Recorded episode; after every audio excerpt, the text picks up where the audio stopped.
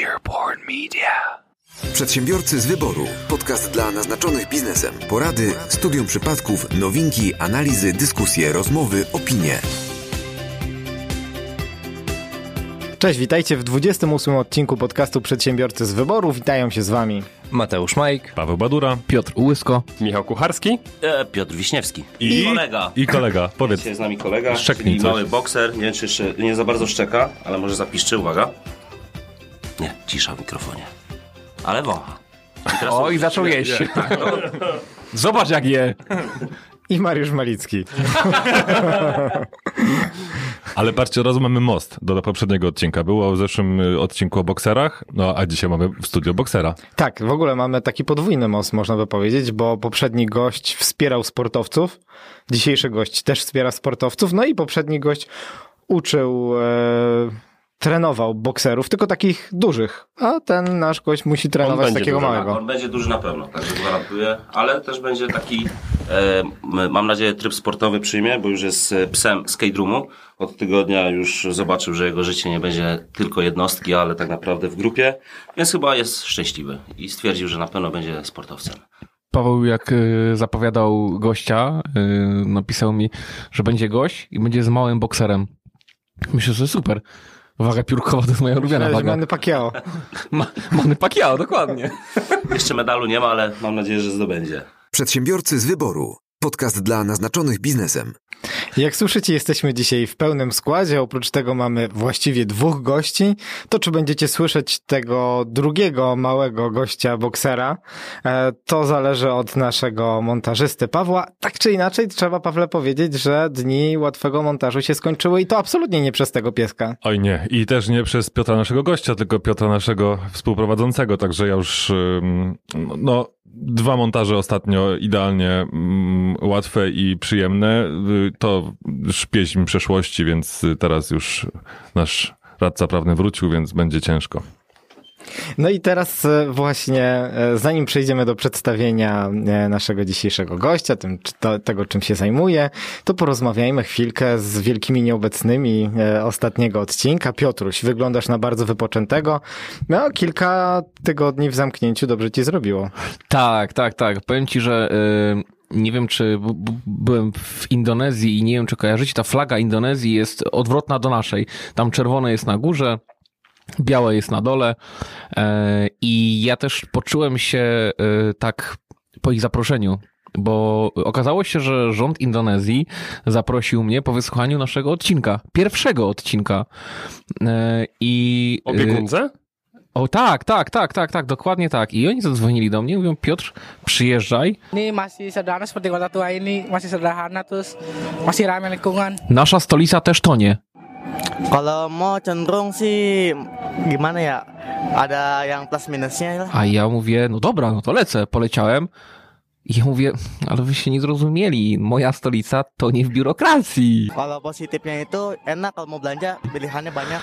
Ich stolica to nie naprawdę. No ale jak już tam byłem, to każde ręce się przydadzą.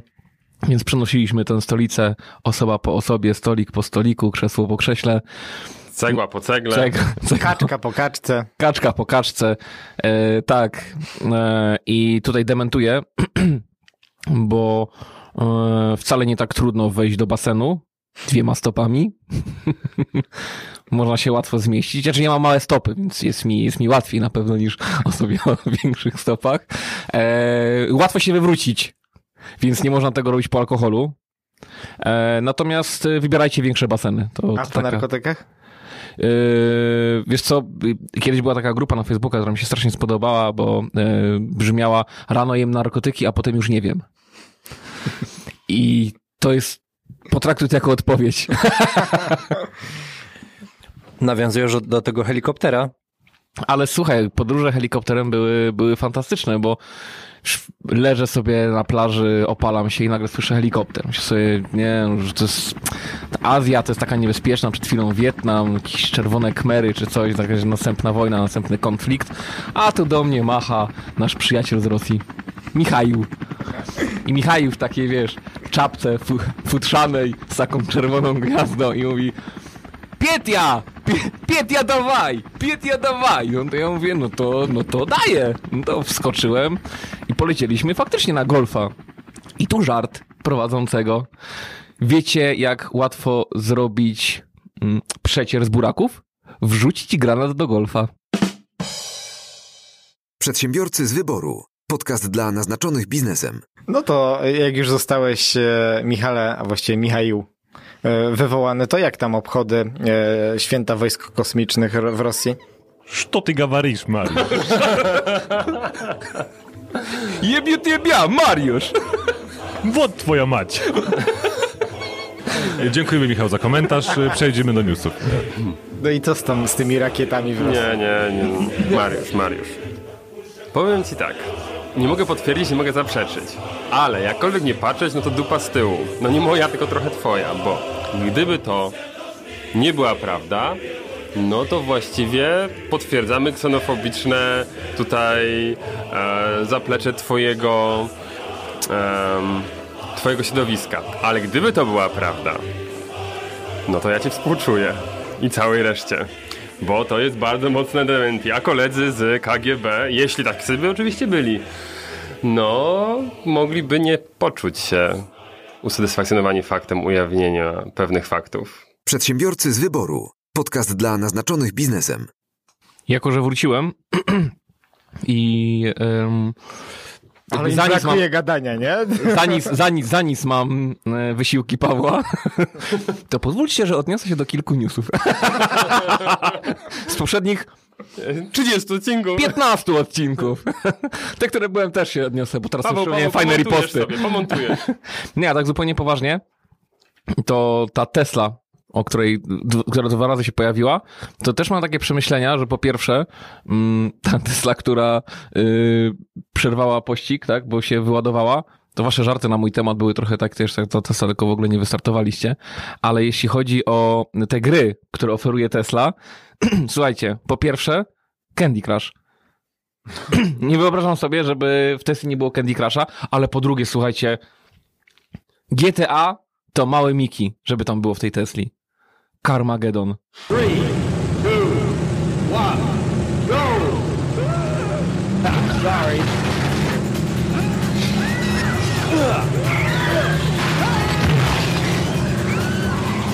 Czy wyście grali kiedyś w Carmageddon? Ja, ja grałem jako młody chłopak. Jak ja miałem wyrosnąć normalnego człowieka, grając, jeżdżąc po mieście samochodem z wielkimi kolcami, Wyrosłeś na radcę prawnego. No nie, nie, nie, nie, nie ale już, widzisz, ale już widzisz dlaczego. No. Chłopie. No albo wiesz, na, nasze dzieciństwo to jest rozjeżdżanie ludzi, zabijanie Niemców, albo drugą stronę, zależy gdzie kto był, i kasowanie drabinki Simowi, żeby zginął w basenie. No ludzie, żeby nasze pokolenie jest stracone już na starcie. E, Ja robiłem taki bardzo malutki pokoik, żeby zginął we własnych fekaliach. Przedsiębiorcy z wyboru. Podcast dla naznaczonych biznesem. Piotrek, czym się zajmujesz? Ja tego się chciałem wtrącić, bo jak e, Piotrek był gościem w Kreatywnym Zagłębiu w moim poprzednim podcaście, to ja omówiłem z Piotrkiem, o czym będziemy mówić przed programem. I powiedziałem, zadałem to samo pytanie co Mariusz, czyli Piotrek, czym się zajmujesz? I e, w siódmej minucie monologu musiałem wyłączyć mikrofon, bo Piotrek już kończył odcinek, bo omówił wszystkie tematy sam. Także trzeba mieć to na uwadze. No ale Tak, znaczy nic się nie zmieniło, jest jeszcze więcej. Na razie generalnie jeśli chodzi o Zagłębie, jeśli możemy skupić tutaj i, i powiedzieć o, o naszej tutaj ziemi, a, no to najbardziej się cieszę z tego, że mogę realizować naj, największe założenie i gdzieś tam cel swojego życia, czyli jest to skate room i działania e, związane z klubem i rozwijaniem sportów ekstremalnych, które już e, są na igrzyskach, e, czyli mówimy o deskorolce i o klubie sportowym, gdzie mogliśmy rozwinąć od zera sekcję w sumie dla takiej naj, najtrudniejszej młodzieży, bym powiedział, czyli blokowej. E, Wielu z nich gdzieś tam się już pozmieniało, widzimy rezultaty, nawet e, mają już stypendia sportowe i gdzieś tam zaczęli profesjonalnie trenować, osiągać duże rzeczy, więc generalnie jeśli chodzi o spełnienie e, zawodowej, takie powiedzmy wewnętrzne, że e, rozwój poprzez sport ludzi, którzy są najbardziej zagrożeni i najwięcej, najbardziej wykluczeni ze środowiska, no to w Zagłębiu już działa. Jest to Skate Room, jest to największa misja, którą realizujemy. Cieszymy się, że już e, możemy to robić. Też jest fajnie, bo w Sosnowcu kolejny klub się rozwinął, czyli Apostrof. O tym też mówiłem jakiś czas temu, jak się spotkaliśmy tu z Pawłem, że będziemy rozwijać kluby sportowe, bo też taki jest cel mój jako prowadzącego Polski Związek Sportów Rodkarskich, czyli e, deskorolkę i, i rozwój klubów, gdzie 8, 4 lata temu tak naprawdę jeszcze nie było żadnych klubów sportowych w deskorolce. Na dzień dzisiejszy już mamy ich 12 i w tym są praktycznie dwa zagłębia. Najmocniejsze, bo w klubie za- Sosnowca mamy obecnie mistrzyni, dwukrotną mistrzyni Polski w deskorolce, Anię Kulik, a w naszym klubie mamy Agatę Helikowską, która teraz zajęła trzecie miejsce, a też była dwukrotną mistrzynią Polski w deskorolce, a dziewczyny, tak powiem szczerze, największe szanse mają na awans na igrzyska, e, w tym, tak jak rozmawiałem kiedyś, Amelia Brodka, która teraz jest 19 na świecie, no i mam nadzieję, że ją zobaczymy w Tokio, więc taki cel, jeśli chodzi o kluby, o rozwój w Zagłębiu sportowym jest mocno przeze mnie zrealizowany, się cieszę, w skrócie. Ale mówisz o reprezentacji olimpijskiej, tak? Tak, tak. Mówię. Deskorolka jest na olimpiadzie? Tak, na, y, wiesz co, powiem tak, żeby od razu poprawić, bo wielu ludzi mówi olimpiada. Olimpiada to jest czas przed igrzyskami, czyli generalnie na igrzyska olimpijskie się mówi poprawnie. Aha. żeby Ale na igrzyskach jest... Tak, na e, igrzyskach oficjalnie w Tokio za rok już się pojawi e, deskorolka i już o to od półtora roku e, walczą wszyscy na świecie. My oficjalnie kadrę narodową założyliśmy w 2017 roku po raz pierwszy dostaliśmy dotację tylko na kadrę młodzieżową U23.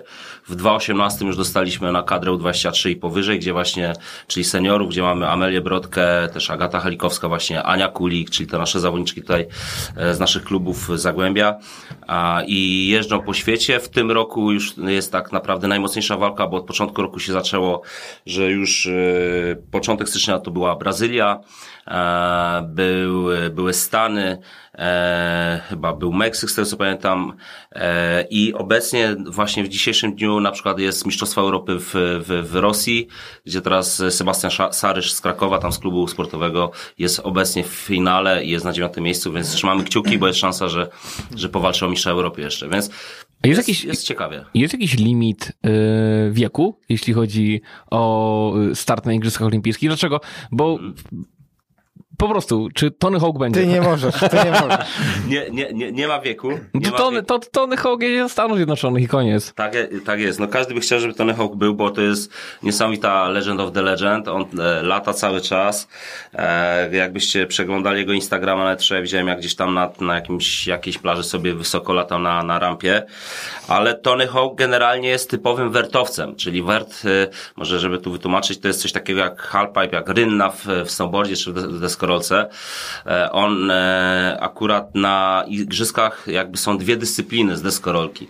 Jedna dyscyplina to jest street, czyli to jest e, typowy, typowe rurki, schody, gdzie, gdzie rywalizuje się właśnie na, na, na flacie i też oczywiście jakieś tam kąty są, a drugi to jest bowl, czyli bowl to jest dyscyplina, w której to są takie baseny, które, które są wysokie i jest tam, tak jak mówię, mniej schodów, w ogóle nie ma schodów, nie ma rurek, tylko generalnie właśnie się lata ale się płynność, chodzi o płynność jazdy i o, o też ocenę tego, jak to się wykonuje.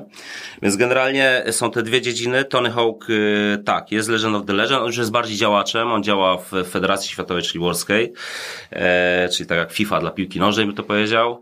E, ale wieku, odpowiadając na twoje pytanie, nie ma czegoś takiego jak e, e, wy- wymogi wieku, bo na przykład gdyby też się Państwo zainteresowali, e, oglądając Instagrama, czy w ogóle wrzucając sobie Striglik, bo teraz Striglik to jest taka główna, jakby główny napęd, czyli zawody organizowana, e, organizowane na świecie, które, gdzie się zdobywa punkty e, właśnie w street kategorii na igrzyska, to praktycznie teraz e, ostatnie wszystkie przystanki, czy to było teraz e, właśnie tak jak Street League w, w Brazylii, czy w, w Stanach, wygrywa mała dziewczynka, tak zwana, my to się śmiejemy, mała dziewczynka, która ma 13-14 lat, jest Brazylijką, jest cały czas na pierwszym miejscu na świecie i to ona ma największe szanse na medal na, na igrzyskach w tej kategorii.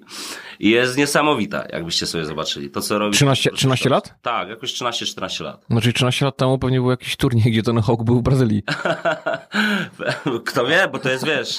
Albo to premiera Tonego Hawka na PlayStation. wiesz. Albo premiera tego Hawka na PlayStation. Ale nie, no, słuchaj, ja, ja też myślę, że mógł mieć na takie, no takie i- i- Igrzyska Olimpijskie, y, Tony Hawk Pro Skater 2 miałem, o Jezu, wzdłuż, to jest najlepsza giera, dzieci, jedna z najlepszych gier dzieciństwa, Tak, naprawdę. teraz próbują wybić się wszystkie gierki, są skatey, różne inne, ale tamte gry no, miały moc. Przedsiębiorcy z wyboru. Podcast dla naznaczonych biznesem. A na Paraolimpiadzie też będzie deskorolka? Właśnie powiem wam tak, że długo, długo czekaliśmy na te informacje, bo też jakbyście się zwrócili uwagę, bo jak już się zaczyna lajkować, czy na Instagramie, czy na, na Facebooku, czy na Twitterze, to wys- wyskakują wam później sportowcy właśnie bez, bez nóg na desce, którzy robią niesamowite ewolucje, czy z, e, bez, koń, e, bez e, kończyn górnych, czy to jednej, czy dwóch, e, czy, czy niewidomy nawet na desce, którzy niesamowite z laską jeździ i powiem wam szczerze, jakbyście zobaczyli, to jest szok, co on robi po prostu i, i, i, i każdy właśnie się zastanawiał, bo teoretycznie jest tak, że każdy sport olimpijski, który jest na igrzyskach, przechodzi później na sport y, nieolimpijski, ale nie jest właśnie tak do końca. I deskorolka w tym roku nie będzie jeszcze sportem paraolimpijskim. E, Prawdopodobnie może za 4 lata y, już jak to unormują, bo też y, chodzi kwestia właśnie o pogodzenie tych, jakby zrobić fair, czyli według, e, to tak jak w lekkiej atletyce są sporty paraolimpijskie, jest bardzo dużo kategorii, e, czyli nie- niewidomy, niedowidzący, bez jednej nogi, bez drugiej, be- bez dwóch, e, nie, niedowład czegoś, niedowład nogi, niedowład prawej nogi, lewej i jak to wszystko zmieścić, tak? Więc generalnie lekka atletyka przez to, że ma tak wiele sportów, poradziła sobie robiąc grupy i wrzucając do koszyka pewne sporty i mm, jeśli chodzi o, o inne sporty, tak samo sobie radzą, ale już sporty techniczne, którą jest bardzo trudną deskorolka, bo deskorolka jest najtrudniejszym technicznie sportem, jeśli chodzi o deski, e, czy to snowboard, czy wake, czy kite, wszystko, każdy wie, kto na czymkolwiek lata, jeździ, fruwa, pływa, że deskorolka, no, to już jest e, największy szacun, jak się robi największe zło na tej e, maszynie to, mm, to po prostu jest jeszcze trudno zakwalifikować prawdopodobnie e, lub e, tak naprawdę pokazać zawodników, którzy e, no, wybijają się gdzieś na Instagramie, bo są niesamowici, bo są w klimacie, całe życie jeżdżą i nie przeszkadzają niepełnosprawność i są tolerowani, akceptowani, a z drugiej strony mm, tak naprawdę jest duża przepaść, nie ma nikogo, kto jeździ jako niepełnosprawny na deskorolce, bo jest bardzo trudna. Jeśli ktoś nie jest w klimacie, czyli nie, nie siedzi na co dzień z chłopakami jeżdżącymi jako osoba niepełnosprawna, no to raczej tak po prostu sobie nie zdecyduje, a dzisiaj będę jeździł na deskorolce jednak. Przedsiębiorcy z wyboru. Podcast dla naznaczonych biznesem. Drodzy słuchacze, wbrew pozorom e, nie przekliknęliście na drugą część e, naszego odcinka, po prostu zrobiliśmy taki długi wstęp e, i przechodzimy do newsów. To ja mam takiego szybkiego, bardzo szybkiego newsa, bo to jest coś, co przeczytałem dzisiaj na parkingu tutaj pod, pod radiem. E, Piotr, to jest dla ciebie świetna wiadomość. Piotr, e, mój tutaj po, po lewicy. Piotrek, 2020 rok to nie tylko olimpiada, o której dzisiaj jeszcze będziemy mówić, ale również pierwsza domowa maszyna do nagrywania winyli. Będzie sobie można nagrać win- winyl, czyli możesz sobie przerobić za jedyne 1100 mm, e, dolarów przez taką maszynkę, która z jednej strony podpina, żeby tam była MP3, na przykład będziesz sobie mógł em, jakąś, jakiś ulubiony szlagier twój, Jakiegoś albo Mieczysława Foga, coś Mie- takiego. Mieczysław Fog na przykład, tak, będziesz sobie mógł go e, nagrać na Wydra- winyla. wydrapać chyba. No to, to jest taka, to wygląda trochę jak e, urządzenie kuchenne, e, no ale to, to po prostu e, wydrapuje winyle. Ale zastanawiam się, dlaczego to ma być news dla mnie. Że jestem kaseciakiem, a nie winylakiem. Przecież o winylach mówił więcej yy, Mariusz i Michał. Ja kasety. Po co mi winyl? No chyba, że da się tam też nagrać to potem na kasetę. to przejście- bierę. Przejściówka jest później z Pan, winyla na pan kasetę. pakuje. Wtedy masz takie bardziej oryginalne brzmienie ulicy, jak najpierw z MP3 na winyl i z winyla dopiero na kasetę, to już jest tak, wiesz, reprezentuje biedę. Przedsiębiorcy z wyboru. Podcast dla naznaczonych biznesem. E, wszyscy, jak tu siedzimy, jesteśmy mniej lub bardziej związani z biznesem, ale no, na potrzeby tego odcinka powiem, że wszyscy jesteście zdroworozsądkowi, bardzo was lubię. Więc mam do was pytanie. Słuchajcie, co? Daj, dajmy na to, dostajecie nowego klienta, tak? Przychodzi do was nowy, duży klient e, i macie strasznie dużo pracy. Co robicie? Pracujemy? Tak chciałem powiedzieć, że wtedy pracujemy, no. No ale jeżeli nie wyrabiacie sami z pracą, to jaka jest pierwsza myśl, która powinna pojawić się w waszej głowie? Narkotyki. Cofam to, ten zdrowy rozsądek. Nie idę spać. Po narkotykach. Po narkotykach. Nie, ale tak zupełnie... Albo po dużej ilości Dobra, nie ma narkotyków, ludzie, skupmy się. Jak nie ma? Tak. Pi- Piotrze, przecież nie będziemy żadnych podwykonawców szukać. Ale nie będziesz, nie będziesz szukał podwykonawców, ale możesz też zatrudnić ludzi. Jak nie ma narkotyków, y, to ja idę na etat. Czy komukolwiek z was przeszło chociaż przez myśl, żeby zatrudnić nową osobę? Nie. Nie. Nie. Nie mam newsa, dziękuję. No dobrze, no Hipotet- możemy delegować. coś. Hipotetycznie tak. Może bym zatrudnił jakąś osobę, Piotrek, jak wtedy taki duży klient do mnie przychodzi. Paweł, super! Czekałem na te sugestie. Otóż, y, jak wiecie, wymiar sprawiedliwości boryka się, z zawsze borykał się z wieloma problemami od początku tej kadencji jeszcze z wieloma kolejnymi, ale y, cały czas y, jest coś, co nazywane jest w mediach reformą wymiaru sprawiedliwości. I już ta reforma wymiaru sprawiedliwości doprowadziła do tego, że od początku tej, reformy wymiaru sprawiedliwości do dziś e, czas postępowania się znacząco wydłużył w sądzie. E, a dlaczego? Bo sędziowie mają za dużo pracy. Wpływ e, spraw jest coraz większy, a nieobsadzonych wakatów sędziowskich w Polsce jest 700. Żebyście mieli wyobrażenie, e, jest to tak, jakby wyłączyć z pracy dwa duże sądy okręgowe. Więc y, zamiast sięgać do jakichś naprawdę skrajnych y, pomysłów, jak przyspieszyć pracę, może po prostu należy zatrudnić większą ilość osób, bo te osoby czekają na te wakaty. No i teraz problem jest po dwóch stronach jakby barykady, bo po jednej stronie y, nie chcą dawać tych nominacji sędziowskich, a po drugiej stronie wszyscy nowi sędziowie, którzy chcieliby zostać sędziami, boją się, że wobec nielegalności aktualnej Krajowej Rady Sądownictwa ktoś mógłby w przyszłości y, stwierdzić, że zostali bezprawnie, bezprawnie powołani na to stanowisko. No i tak, teraz tak, jesteśmy w takim ogromnym pacie, y, z którego to nie bardzo da się wyjść, bo żadna ze stron nie chce ustąpić, z drugiej strony nie widzę, dlaczego jedna ze stron, nie mówiąc, która miałaby ustępować, ustę, ustępować, przepraszam. No natomiast problem jest, problem jest ogromny i ten problem będzie coraz większy. Zapaść będzie coraz większa, więc jeżeli e, rządzący nie, nie, nie chcę powiedzieć złożą broni, bo, bo to wszystko niestety przyjęło taką trochę nomenklaturę wojny w naszym kraju, no ale jeżeli, e, może inaczej, nie zatopią topora wojennego, no to może być problem. Problem już jest teraz, problem będzie jeszcze większy i teraz jak to się, jak to się ma dla przedsiębiorców? No to już dla porównania. Mm, Wszczynając postępowanie e, w imieniu przedsiębiorców 5 lat temu, e, tak naprawdę byliśmy w stanie zamknąć je w takie zwykle postępowanie o zapłatę, bo takie, takie są statystycznie najczę, najczęściej się pojawiają a, i występują, no to zamykaliśmy takie postępowanie na przykład w ciągu roku, półtorej roku, nawet w, w dwóch instancjach. Teraz ostatnio czekałem, to- ostatnio czekałem na To już nakaz, jest przykre. to, Półtora to, roku o zapłatę. to jest przykre. A teraz czekam 9 miesięcy w jednym z naszych sądów e, na Śląsku na to, aby sąd wydał w ogóle nakaz zapłaty, który jest początkiem postępowania. Piotrze, I teraz- się nie podoba, To może nie, to może nie, nie powinienem iść do sądu. Może nie powinieneś być przedsiębiorcą i składać w ogóle. albo adwokatem. Ale problem, problem polega na tym, znaczy już pomijam nasz problem, że my nie jesteśmy, nie, nie da się zarobić na postępowaniu, no bo, no bo z całym szacunkiem, ale praca, która na przykład ma ci przynieść wynagrodzenie, którą wykonasz na przykład w, dzisiaj, a ma ci przynieść wynagrodzenie za trzy lata, no nie wiem, mocno bym się zastanowił. Bo to też, to, to, to też od strony biznesowej dla, dla e, adwokatów i radców jest taki problem, natomiast problem dla wszystkich przedsiębiorców, no jak mają ściągać wierzytelności. Nie ma takiej możliwości. Bo teraz tak, okej, jeżeli nie zadziałają, a ustalmy, że w 80% czy 90% nie działają żadne polubowne e, wezwania, no to pozostaje sąd. Sąd to jest kolejne 2-3 lata w takim przypadku.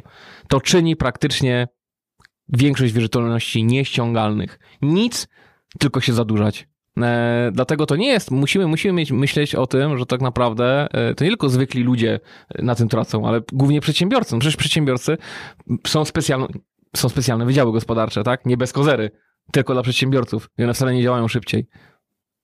Jest problem. Ja nie mówię, że znam rozwiązanie. Znaczy, będę znał rozwiązanie, jak będzie kolejna kampania. Na razie nie znam.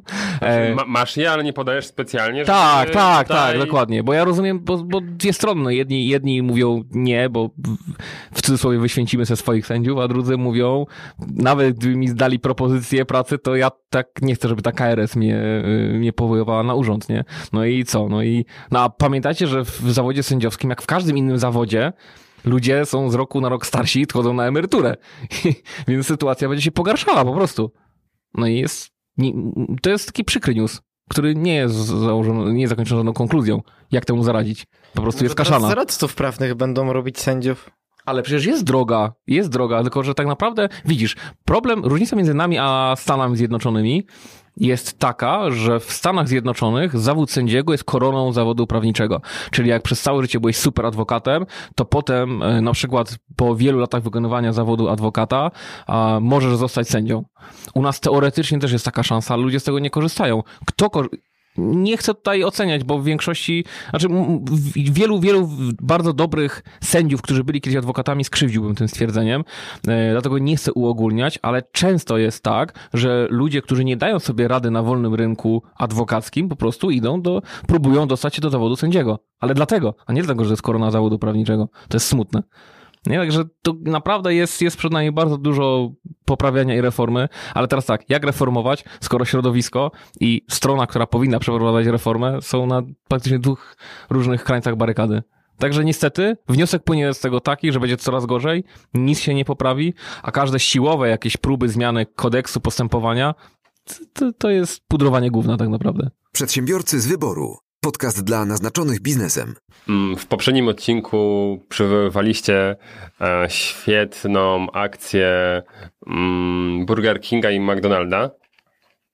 Gdy te postacie się trzymały za rękę, no to tutaj mamy fajną akcję z kolei Mastercard. i, y, Ale tam się nie trzymali za ręce. Nie, tam się nie trzymali za ręce, a to jest taki przytyczek w nos piękny, że... A za co się trzymali? Za nic. Za paszporty być może. Em, Mastercard e, na swoim profilu opublikował po prostu majstersztyk jak dla mnie. Zdjęcie statuły wolności i podpis niedługo wiza nie będzie nam już potrzebna. Po prostu... Przez V, widza. Tak, tak, oczywiście. Poland powinno być.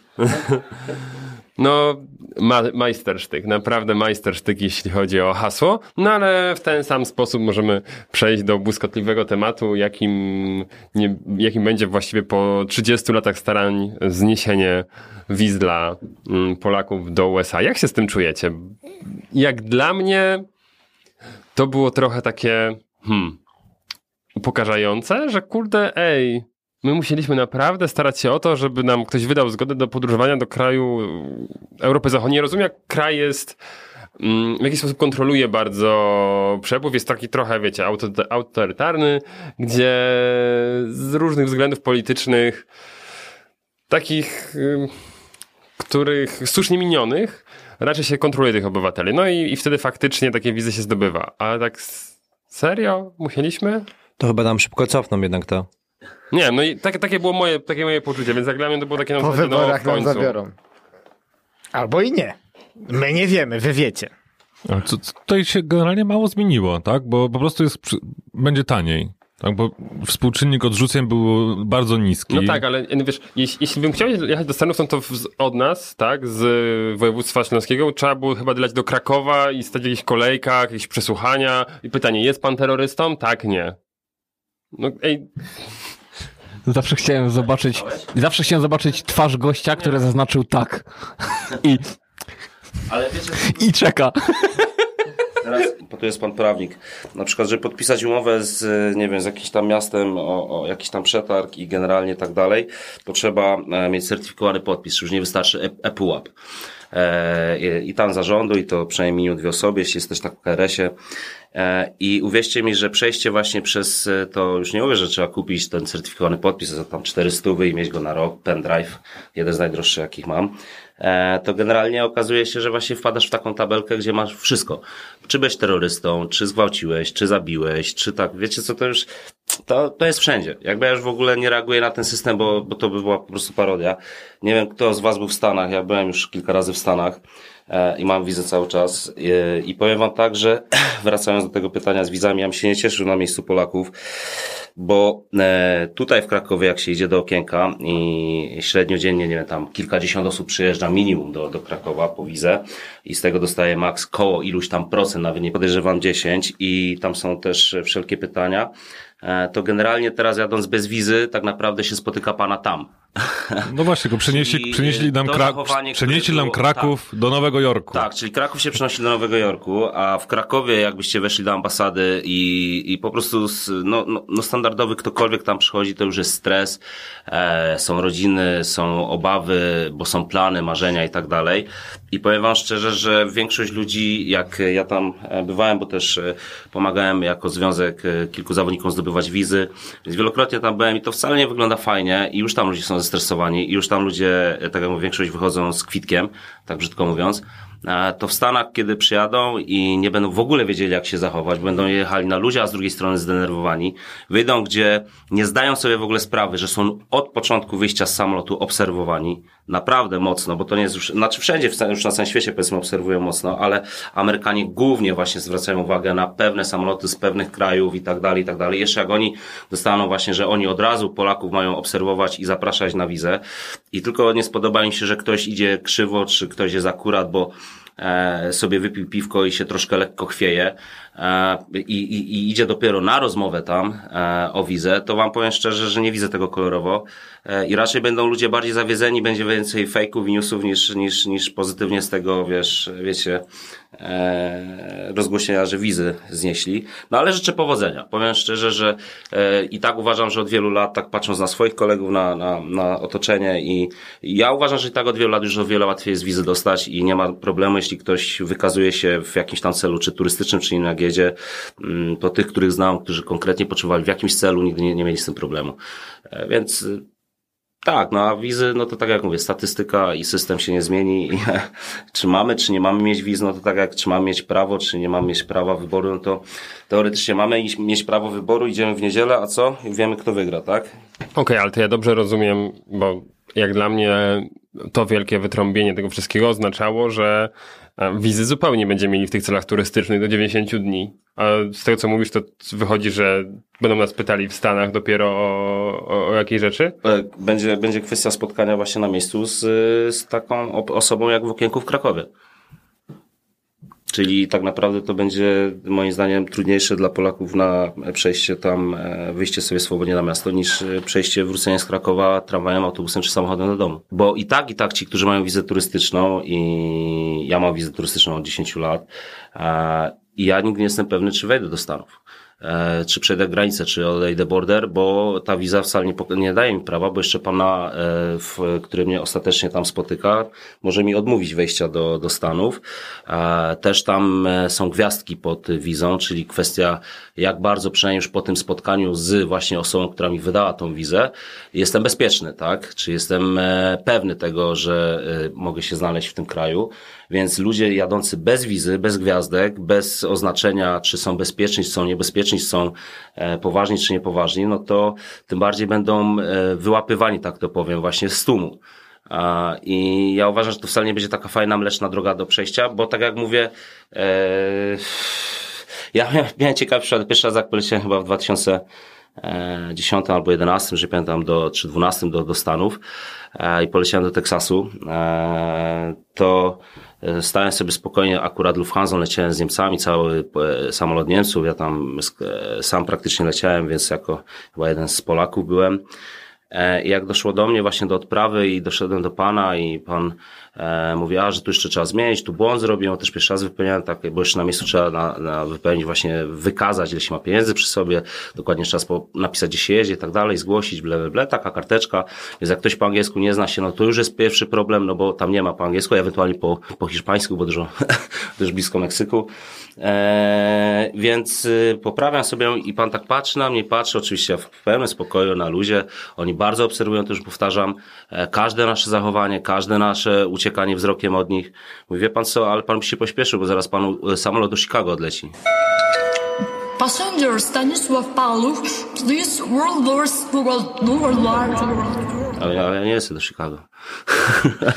aha, aha, okej. Taki był trochę zdziwiony, no bo teoretycznie Polacy nie, nie latają do Teksasu. Więc y, oprócz wiadomo, bo są, bo, bo są przeświadne, nie? Ale kwestia jest tego, czy gdzieś tam w tym kierunku. Ale tak jak mówię, no ja uważam, że to, to nie zmieni e, sytuacji Polaków, wręcz przeciwnie, będą bardziej chyba rozczarowani i, i, i ja uważam, że też na początku będą mocno obserwowani, wyłapywani, bo tak jak mówię, no oni muszą się z kimś tam spotkać i przedstawić cel wizyty. A, a prawdopodobnie, e, tak jak mówię, to nie będzie łatwa droga dla nich. Nawet jak będzie tłumacz. Przedsiębiorcy z wyboru. Podcast dla naznaczonych biznesem.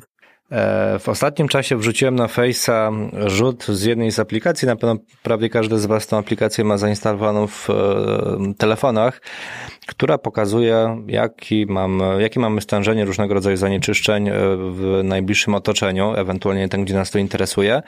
No i stwierdziłem, że porównam jedno z najbardziej mm, zanieczyszczonych, nazwijmy to miast w Polsce, mówimy tutaj o Krakowie, jeśli chodzi właśnie o, o temat smogu, z innym śląskim miastem, a mianowicie z Rybnikiem. No i zrobiłem takie szybkie porównanie, zrobiłem dwa print screeny, wrzuciłem pewnego rodzaju post na fejsie, no i stwierdziłem, ok, być może ktoś coś zalajkuje, być może ktoś coś em, skomentuje. No i okazało się, że wy, wywołałem pewnego rodzaju burzę, blisko 50 komentarzy różnego rodzaju, a tylko albo aż zwróciłem uwagę na to, że w Krakowie mają coraz mniejszy problem ze smogiem, w związku z tym, że wprowadzili ustawę antysmogową. W, w, na, nawet w ogóle bym powiedział nie mają, bo ja s, specjalnie y, rozmawialiśmy przed programem y, i wczoraj jeszcze wieczorem sprawdziłem sobie tą mapę, jak wygląda. No słuchajcie, to jest niesamowite. Przecież Kraków był najbardziej zaczadzonym miastem w Polsce. Nie, nie mylić z czadowym. I tylko dzisiaj, że wczoraj wieczorem dokładnie, wyglądało to tak, że jest taka zielona plama, i ta zielona plama, dokładnie kilka tych punktów pomiarowych to jest Kraków, a wokoło Krakowa, gminy podmiejskie, wszystko na czerwono. No. Niesamowite. No da się, naprawdę da się. No, da się, tylko widzisz, e, są i zwolennicy, i prze, przeciwnicy. I też troszeczkę tak się to pojawiło u mnie na Facebooku, chodzi o moich znajomych. E, czyli tak jak w polityce są lewicowcy i prawicowcy, dokładnie tutaj to, tak samo się podzieliła moja grupa znajomych.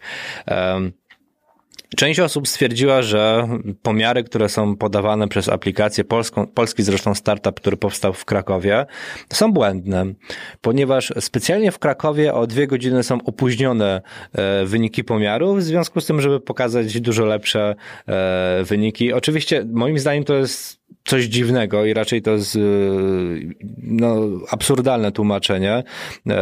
To jest jakby jedna kwestia. Druga, osoby też wskazują, że tego typu ustawa wcale nic nie da. Dlaczego? Ponieważ tak naprawdę to nie jest problem, że dane osoby palą paliwami kopalnianymi, tylko że nie potrafią palić w piecach, ponieważ w zły sposób palą, pojawia się dym, pojawia się smog i tak dalej przez to, e, a wystarczy tak naprawdę nauczyć społeczeństwo, w jaki sposób się obsługiwać nawet starymi piecami. No i tych absurdów było dosyć sporo. Ja się oczywiście z tym nie zgadzam. Nie wiem, jaka jest wasza opinia na ten temat i to jest jakby pierwsza część e, tematu, który chciałem poruszyć, a drugi to już bardziej same projekty startupowe, które się pojawiają w Polsce i za granicą, które walczą z tego typu problemem. To nie jest tylko problem Polski, a to jest problem też wielu innych państw w Europie oraz na świecie, w Azji, e, które borykają się właśnie z tym problemem. Problemem zanieczyszczonego powietrza w dużych miastach, spowodowanego właśnie albo kominami, albo natężonym ruchem drogowym. Ja, jak dobrze wiecie, ale wydaje mi się, że wszyscy jak tutaj siedzimy, to jesteśmy przeciwnikami socjala, takiego głupiego socjala w cudzysłowie, no, czyli rozdawanie pieniędzy.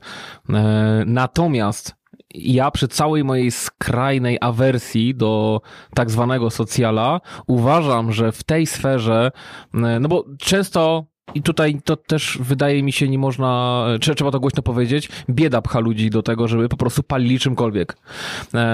I, i tu jest rola państwa, uważam, właśnie w tym miejscu, żeby zapewnić ludziom, których na to nie stać, odpowiedni opał.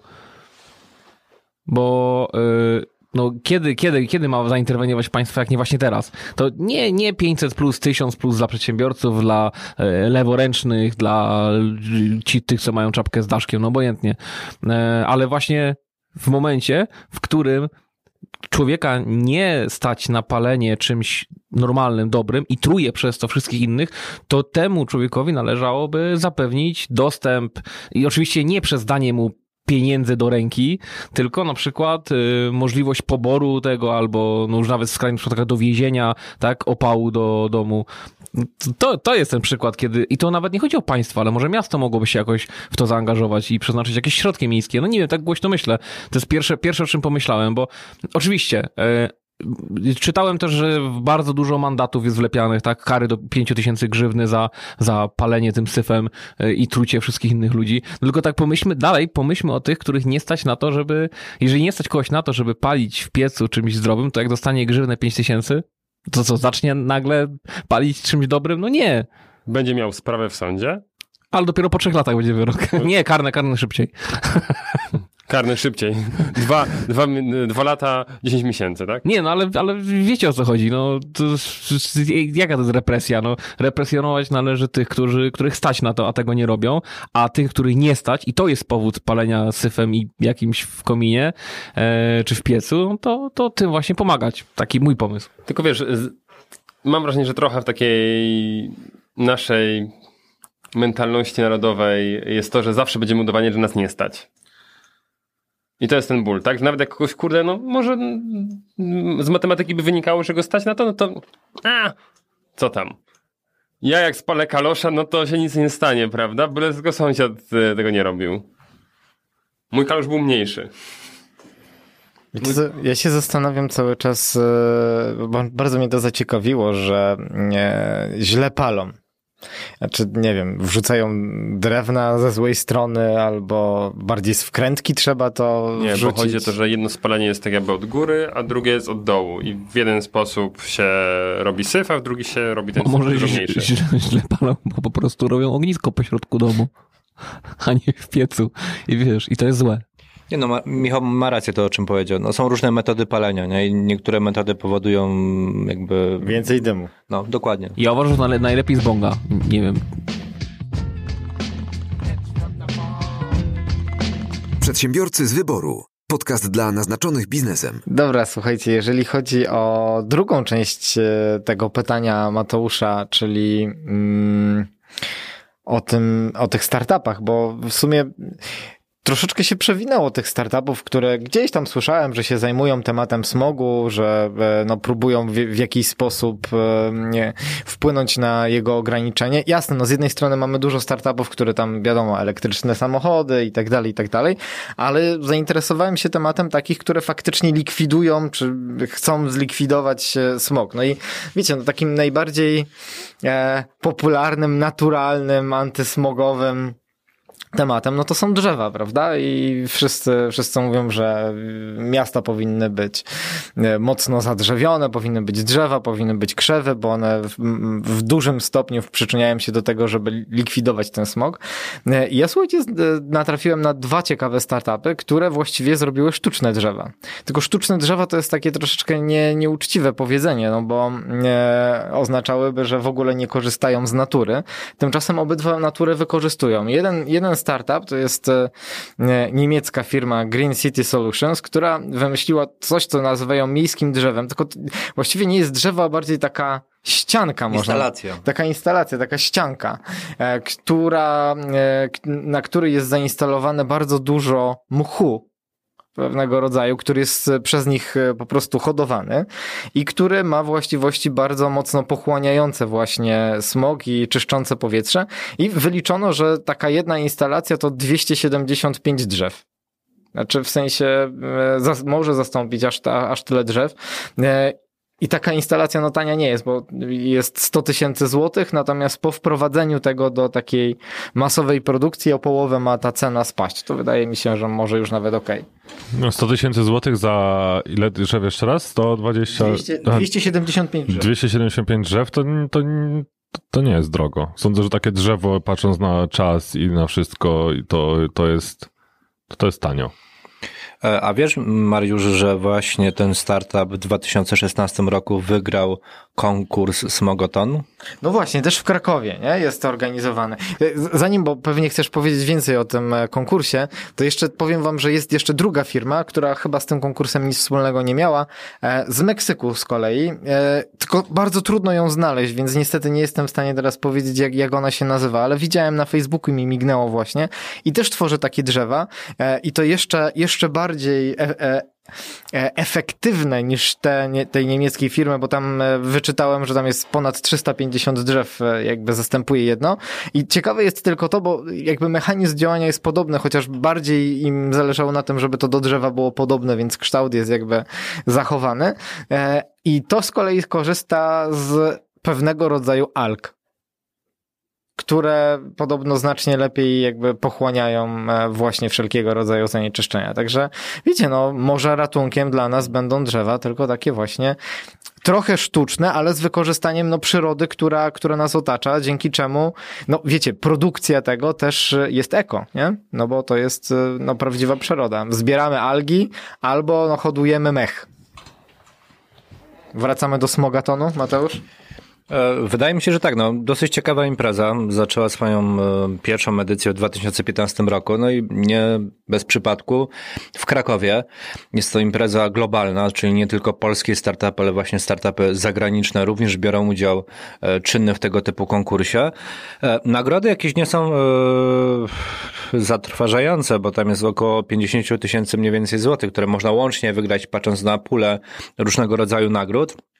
No ale to jest zawsze po, pomysł, żeby się zaprezentować i bardzo dużo tego typu startupów później szuka e, i znajduje skutecznie inwestorów, bo ci inwestorzy już na tych imprezach są. E, W 2015 roku e, polski startup pochodzący z Krakowa właśnie wygrał e, e, ten konkurs e, i to jest Early.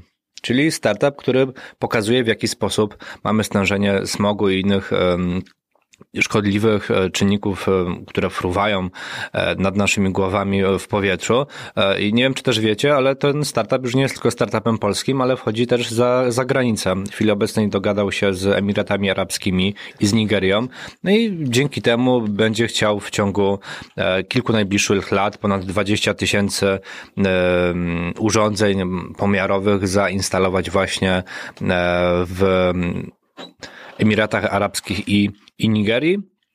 Fajny pomysł, na pewno przyczyni się do budowania tej świadomości tak naprawdę związanej właśnie z tym smogiem i z tym, że ta, e, te szkodliwe e, czynniki jednak na nas wpływają, bo jeżeli czegoś nie widzimy, nie czujemy, e, chociaż akurat ze smogiem na Śląsku czuć go bardzo dobrze i widać go też również niestety, przez co no jesteśmy w stanie sobie wyobrazić, udowodnić, jak to może być szkodliwe dla nas i dla naszego zdrowia.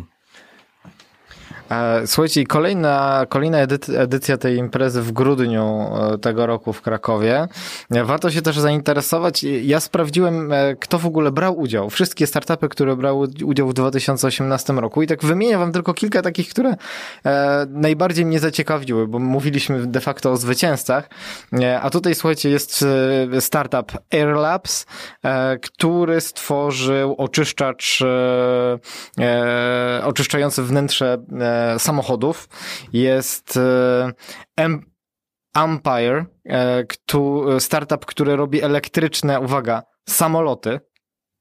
W sensie jest w stanie, e, technologia, którą właśnie wprowadza, ostatecznie ma być w stanie z, z normalnych samolotów zrobić samoloty elektryczne. No to to jest e, jakby też, e, też ciekawe. E, oczywi- oczywiście też takie firmy jak, produ- e, jak producenci e, bardzo zaawansowanych masek antysmogowych. Ty, widziałem, Michał, w- pomykasz w te takie najgorsze dni w takiej... Znaczy, tak, tak. no, Czyli generalnie taki- zapewne od listopada do marca codziennie. No właśnie. Ja już też się zastanawiam nad, e, nad czymś takim, to pokazuje, jaki faktycznie mamy tutaj problem. Nie? E, To już powiem ci, raczej będzie- będziesz miał problem, bo już mniej więcej o tej porze bardzo, cze- cze- raczej często ciężko dopaść e, tego typu maski. To jest tak jak jest problem w Polsce z klimatyzatorami, kiedy zaczynają się upały. Także nie wiem, czy się nie spóźniłeś o parę miesięcy. A propos klimatyzatorów, jest też startup, który e, wymyślił w jaki sposób przerabiać je na oczyszczacze e, powietrza, e, także też mogą się zainteresować ludzi, którzy klimatyzor- klimatyzatory posiadają e, w domach albo chcą sobie takie e, zamontować. Też bardzo ciekawe dwa startupy, słuchajcie, które e, mają jakieś folie. Znaczy jedna ma folie, które montuje się po prostu na różne szklane powierzchnie, no naj, najlepiej na okna, zgaduję, które pochłaniają właśnie zanieczyszczenia, ale jest też taka, która robi siatki, takie jak wiecie, przeciwko owadom, ale z tak gęstymi oczkami, że nie przepuszczają większości zanieczyszczeń do domu. Powiem wam, super się słucha o tej imprezie, o startupach, o, o drzewach sztucznych. E, tylko ja mam gdzieś tam ciągle przed oczami na przykład newsa tego, którego teraz widzę. 11 miliardów złotych zostało wydanych na uruchomienie mm, dwóch bloków energetycznych w Opolu. Opole w tym samym staje się trzecim, e, trzecią elektrownią po e, Bełchatowie i Kozienicach, tak, w kraju. I to są oczywiście bloki na węgiel. Oczywiście, super e, nowoczesne, ta emisja ma być mniejsza, tam o jakieś um, kilkanaście procent, super efektywność, ej, ale dalej to są bloki węglowe. Mm, po sąsiedzku do mm, miejsca, gdzie nagrywamy podcast, niedługo będzie otwarty kolejny blok energetyczny w Jaworznie, uwaga, też na paliwo stałe. Tak, oni tam mieli go dać teraz y, jakoś, ale będą jakieś chyba przeróbki, bo negocjują z wykonawcą, żeby więcej paliw mógł spalać. Nie chcę wchodzić w technikę, chemikalia, no bo też nie jestem w tym zakresie ekspertem, ale dalej to są, to jest energia pozyskiwana w ten sposób mega standardowy.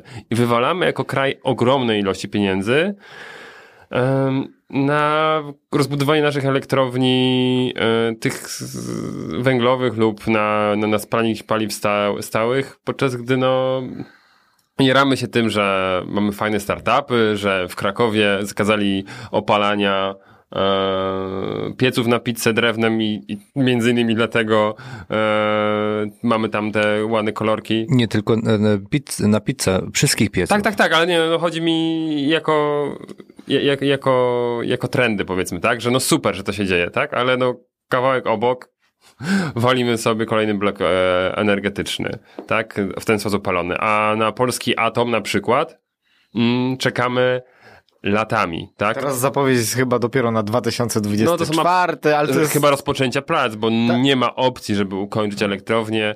Jakby dzisiaj rozpoczęli, to w 5 lat nie, nie, nie rozpoczęcia prac, masz No, rację. no, no.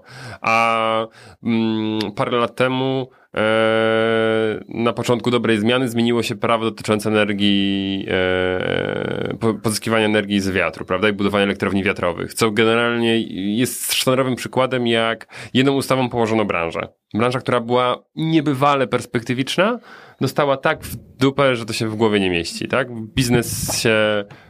Mhm. A grafen? A no to, to, to, Pol to polska legenda. No tak, ale to, to, to znowu węgiel. ale nie, to super, tak? Ale no to jest jak technologię potrafimy uwalić. I wydaje mi się, że dopóki nie osiągniemy spójnej polityki um, proekologicznej, także musimy sobie zdać sprawę, że jako kraj musimy ponieść ten koszt. Tak? A ciągle idziemy na łatwiznę. I że jednak trzeba wywalić duże pieniądze na to, żeby przełożyć się na te um, bardziej proekologiczne źródła energii. Ale no, może wystarczy no i... kolejny odwiert na jakieś wody termalne i to. Ja się zastanawiam jeszcze nad jedną rzeczą i pytanie, czy to w jakiś sposób wpłynie, bo tutaj dużo osób mi, dużo, kilka osób mi też komentowało, że wcale ten smog nie jest e, związany przede wszystkim z tym, że e, źle palimy w piecach, ale również z tym, że no, jest zwiększony ruch samochodów. Kurczę, ale faktycznie, czy patrząc na Katowice, Śląsk, tak to jest, no umówmy się, że tutaj największe stężenie smogu jest związane z e, opalaniem, no bo kiedy się to dzieje? Po godzinie 18. No, nie wiem, czy po 18 zwiększa się ruch między 18 a 22. No, wydaje mi się, że nie, przynajmniej samochodowy. Bo są też pomysły, żeby zwiększać opłaty parkingowe e, i zamykać centra miast pod względem ruchu kołowego, tak? Albo przynajmniej, żeby ograniczyć e, ruch e, aut starszych z silnikiem diesla. Czy to wpłynie na poprawę jakości powietrza? Na pewno tak, ale czy w, aż w taki sposób? No nie wiem. No na pewno wprowadzenie takich green zone e, w centrach miast ma jakieś przełożenie. No, Be niedawno byłem w Berlinie, gdzie właśnie e, no to, to też jest śmieszna sprawa właśnie, gdzie mają green zone ja do Berlina dojeżdżałem w weekend i nie mogłem wjechać swoim autem, dlatego że nie miałem zielonej naklejki na szybie. Tylko, że żeby dostać tę naklejkę, trzeba było po prostu przejść na stację kontroli pojazdu, pokazać dowód rejestracyjny. Jeśli auto jest wyprodukowane w odpowiednich latach, no to dostałem tę naklejkę. Nie było badania by pojazdu, tylko no to byłaby to naklejka, mogłem sobie wjechać do centrum Berlina, tak? A tak musiałem zostawić auto. I to też nie na obrzeżach, ale no powiedzmy tak w średniej odległości od centrum, tak? Żeby nie wjeżdżać do tego bezpośredniego. Czy w Berlinie zobaczyłem mało aut? Raczej nie. Po prostu wszyscy mieli te naklejki i to też niektóre auta, które no, spodziewam się nie spełniały tych norm. Ale naklejki dostały, no bo gdzieś tam.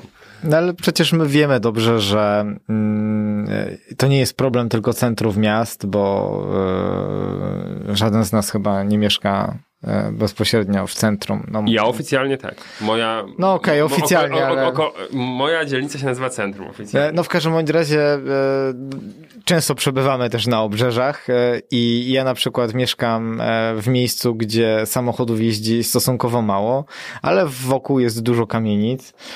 Są stare domki jednorodzinne.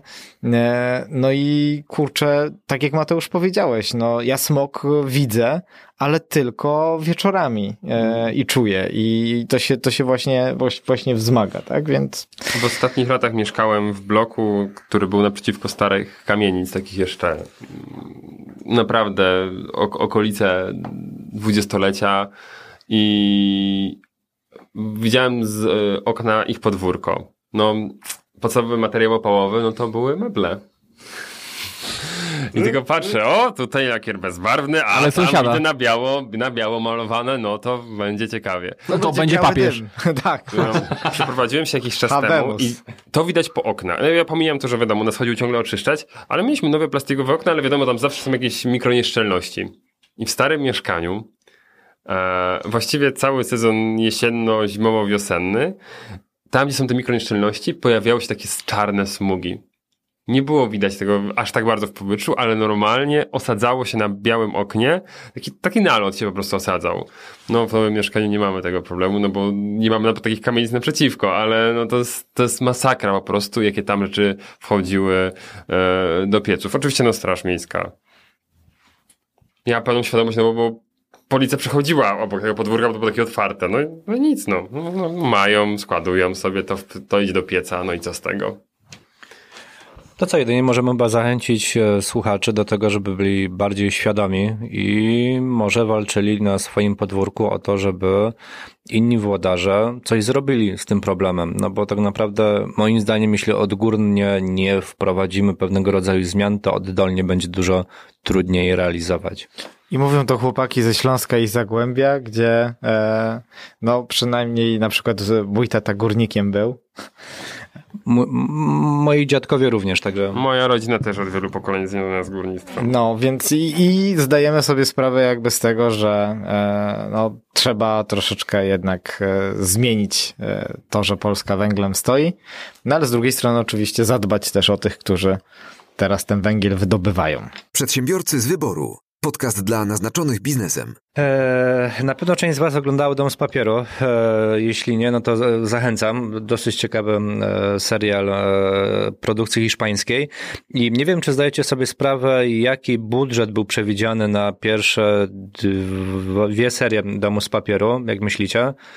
No jak to przy pierwszych seriach pewnie nie za duży.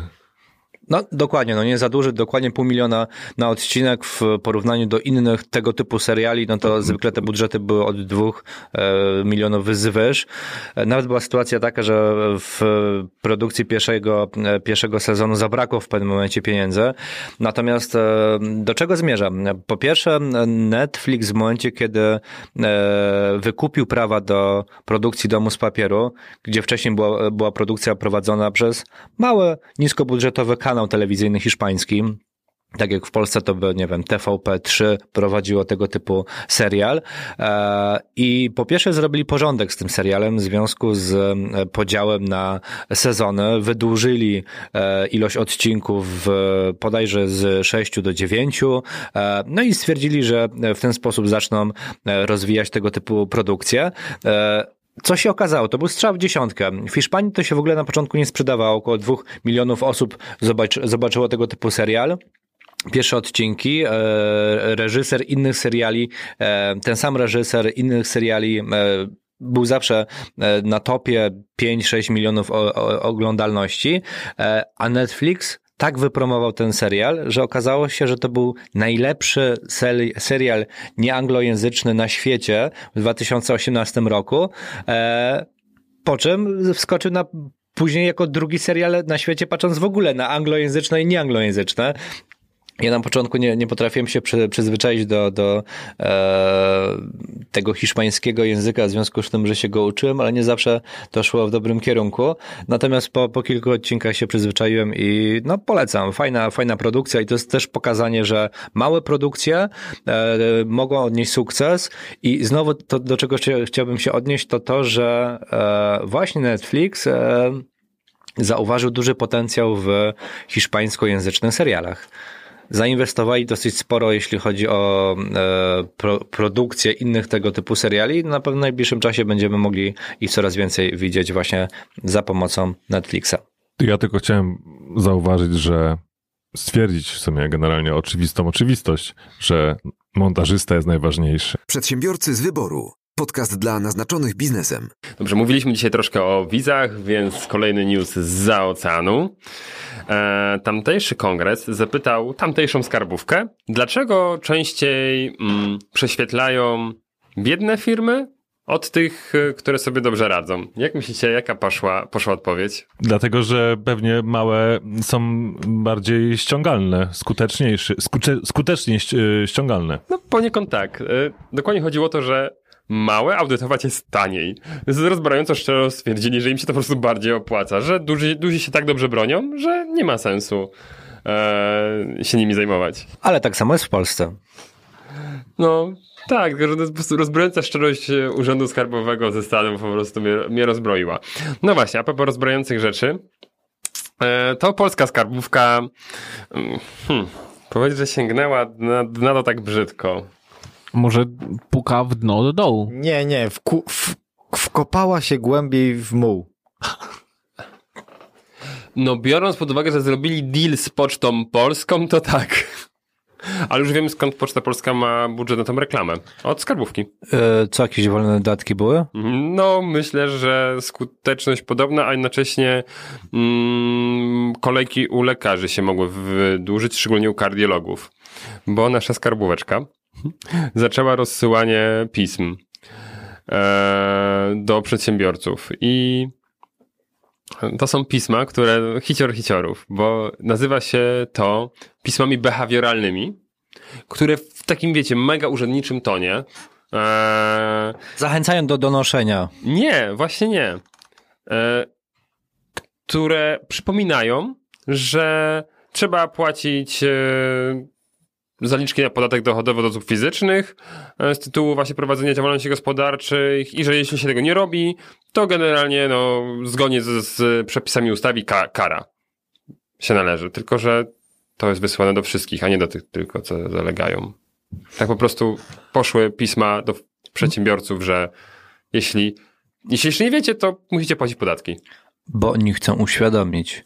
A gdybyś zapomniał, to przypomnieć. Tak, ale zrobiło, zrobiło się z tego mega halo, no bo wiecie, nagle ludzie dostają pismo z urzędu skarbowego. Moment, w którym widzisz tą czerwoną pieczątkę na kopercie, no to to już jest zawał, bo e, zapewne kontrola albo coś zostało źle przylane, tu nie, po prostu chodzi o przypomnienie tego, że to nie jest napisane tak, że tak, że po prostu Urząd Skarbowy miło informuje, że gdyby coś, no to pamiętajcie, tylko jest napisane w ten sposób, że dopiero eksperci stwierdzili, nie, te pisma właściwie to są tylko pisma przypominające i dlatego się nazywają pismami behawioralnymi, bo mówią przedsiębiorcom, jak się mają zachowywać. Wiesz, i tak zastanawiam się, ilu tak zobaczy i zapłaci drugi raz, na wszelki wypadek. Może o to chodzi.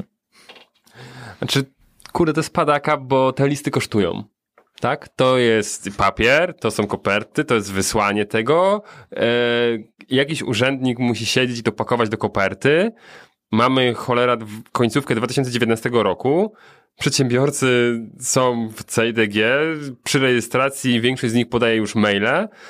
i naprawdę, jeśli bardzo chcieli taki komunikat wysłać, to można było to zrobić elektronicznie, paroma kliknięciami zapewne z bazy. Michał, ty się nie znasz. Po prostu Poczta Polska popadła może w jakąś niełaskę budżetową i potrzebowała pewnego rodzaju dotacji.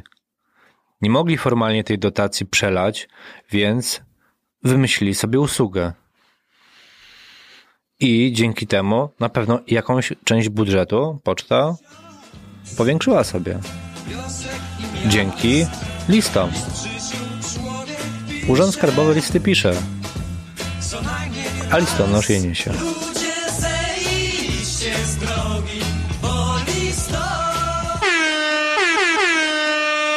Przedsiębiorcy z wyboru. Podcast dla naznaczonych biznesem. Jakbyście byli freelancerem pracującym na oprogramowaniu graficznym Adobe, a generalnie bardzo dużo ludzi korzysta z tego oprogramowania w tej konkretnej branży, stracilibyście swoje swoje oprogramowanie, ze względu na to, że mm, Adobe Creative Cloud dostępny już jest tylko, jak sama nazwa mówi, w modelu subskrypcyjnym w, w chmurze, no to mm, Wenezuela i wszyscy użytkownicy stracili dostęp do dostępu do swoich, stracili dostęp do swoich, do swoich aplikacji, całego pakietu e, właśnie Adobe, czyli nie mogą korzystać z Photoshopa, Illustratora, InDesigna i tak dalej, i tak dalej. Co więcej, e, regulamin e, i prawo amerykańskie zabrania Adobe na oddawanie pieniędzy za w ten sposób anulowane subskrypcje. Więc jeśli ktoś zapłacił kilka dni przed, przed tymi sankcjami za rok, no to stracił jakby cały, cały dostęp, całe pieniądze. Jakiś czas temu też była chyba premiera nowego Huawei, prawda? P30 Pro, dobrze pamiętam? Tak, które tak, no, też, 30 wrzucili. No, no chyba. które też sankcje pewnego rodzaju dostał. Nie wiem, czy pamiętacie. No tak, ale te sankcje zostały wycofane, natomiast tutaj no, jakby te konta musiały być usunięte i sądzę, że to może być trudne, szczególnie, że jakby Chiny zaczęły współpracować, czy właściwie Huawei zaczął współpracować i wyjaśniać sprawę, a tam z Wenezuelą jest to bardziej zagmatwane, więc to, to taki przykład właśnie na to, że wszyscy żyjemy w globalnej wiosce, a co więcej, premiera nowego systemu operacyjnego na Maca, czy na MacBooki, na, na Mac, czyli macOS Catalina, spowodował, że ostatnia ostatni bastion wersji pudełkowej Photoshopa, czyli y, wersja CS6, przestaje być możliwa do używania, więc tak naprawdę wszyscy już pokazują, że trzeba, należy i tak jest najwygodniej dla firm, żeby odchodzić od pudełek i wszystko przerzucać na model subskrypcyjny, co jak pokazuje właśnie y, ta sytuacja z Wenezueli, może być niekorzystne ze względu na, na batalię, na szachownicę polityczną wprowadzając taki drobny element edukacyjny, to stolicą Wenezueli jest Caracas, nie? No, słyszałem, że słuchają nasz małe dzieci. I chciałem wprowadzić, da, dało to taki dla mnie motor do takich walorów e, edukacyjnych. Ale słuchajcie, dostaliśmy komentarz pięciogwiazdkowy, e, wspaniały, szczerze mówiąc jeden z naj, najfajniejszych komentarzy, jakie dostaliśmy i chciałbym się nim podzielić. Zatytułowany jest Wymiatacie. A brzmi on tak. Chłopaki wymiatacie. Jestem 36-letnią mamą trójki urwisów i ze zmęczenia i braku czasu musiałam zrezygnować z wszystkiego, co utożsamia się ze spędzaniem wolnego czasu w sposób, który lubimy i sami wybieramy. Od dziś koniec z tym. Właśnie was słucham, a moje maluchy razem ze mną. Śmieję się i one również. Nie wiem, czy hipnotyzuje je wasz tembr głosu, czy co. Najważniejsze, że leżę, znowu mam wolny czas i możliwość spędzenia go w sposób, jaki lubię. Dziękuję, dziękuję, dziękuję. O. No, ale to jest niesamowite. Powiem ci, że nie, nie spodziewałem się, siłą rzeczy robiąc to i zastanawiamy się też nad grupą docelową i powiem wam, że jestem pewien, że z tych dzieciaków wyrosną podcasterów bądź przedsiębiorców. I dlatego proponuję, żebyśmy w każdym odcinku wprowadzili taki mały wariant edukacyjny. Na przykład stolicą Wenezueli jest Caracas. Dziękuję bardzo. Dzisiaj już załatwione. Przedsiębiorcy z wyboru. Podcast dla naznaczonych biznesem. To ja mam jeszcze jeden taki technologiczny news na dzisiaj. W ogóle, bo tak, Microsoft ma bezpośrednią konkurencję w, w postaci Google'a. I w sumie w Apple, tak? Bo to też jest, to też jest jakby bezpośredni konkurent, jeśli chodzi o już również sprzęt i y, o oprogramowanie. No i teraz dwie ciekawe informacje, które się pojawiły w, na przestrzeni kilku ostatnich dni. Po pierwsze, Microsoft będzie budował i tworzył y, telefony oparte o system Android, więc piekło zamarło, ale bardziej moim zdaniem piekło zamarło, że Apple wprowadziło do swojego do swoich sklepów, jeszcze nie stacjonarnych, ale na razie do, do sklepów e, internetowych na całym świecie, pady Microsoft Xbox. Dlatego, że z, wraz z premierą iOS 13 i macOSa Catalina pojawia się usługa, która się nazywa e, Apple Arcade i oferuje gry w, w modelu subskrypcyjnym.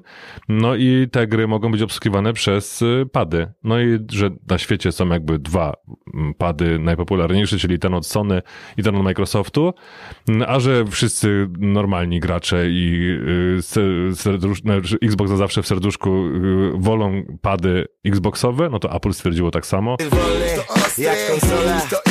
Czyli jest zgodne ze mną i wprowadziło tylko i wyłącznie do sprzedaży mm, sprzęt Microsoftu w swoich sklepach, więc no dzieje się i się to wszystko widać miksuje na każdym kroku. Przedsiębiorcy z wyboru. Podcast dla naznaczonych biznesem. Dobrze, dokończymy newsy, przechodzimy do gościa. Macie jakieś pytanka? Ja, ja mam takiego, taki punkt zaczepny, bo jak to się stało, Piotrze, że w Polsce deskorolka jest rodzajem wrotki? Mhm. Bo tak jest, tak? Formalnie. Wiecie co, no jakby to jest, to jest temat taki, że akurat w Polsce, jeśli chodzi o deskorolkę, e, w pewnym momencie ja byłem na etapie robienia badań na WF-ie, bo tam też studiowałem i dalej właśnie kończę jakby już ostatnie tematy z, też z pracą doktorską.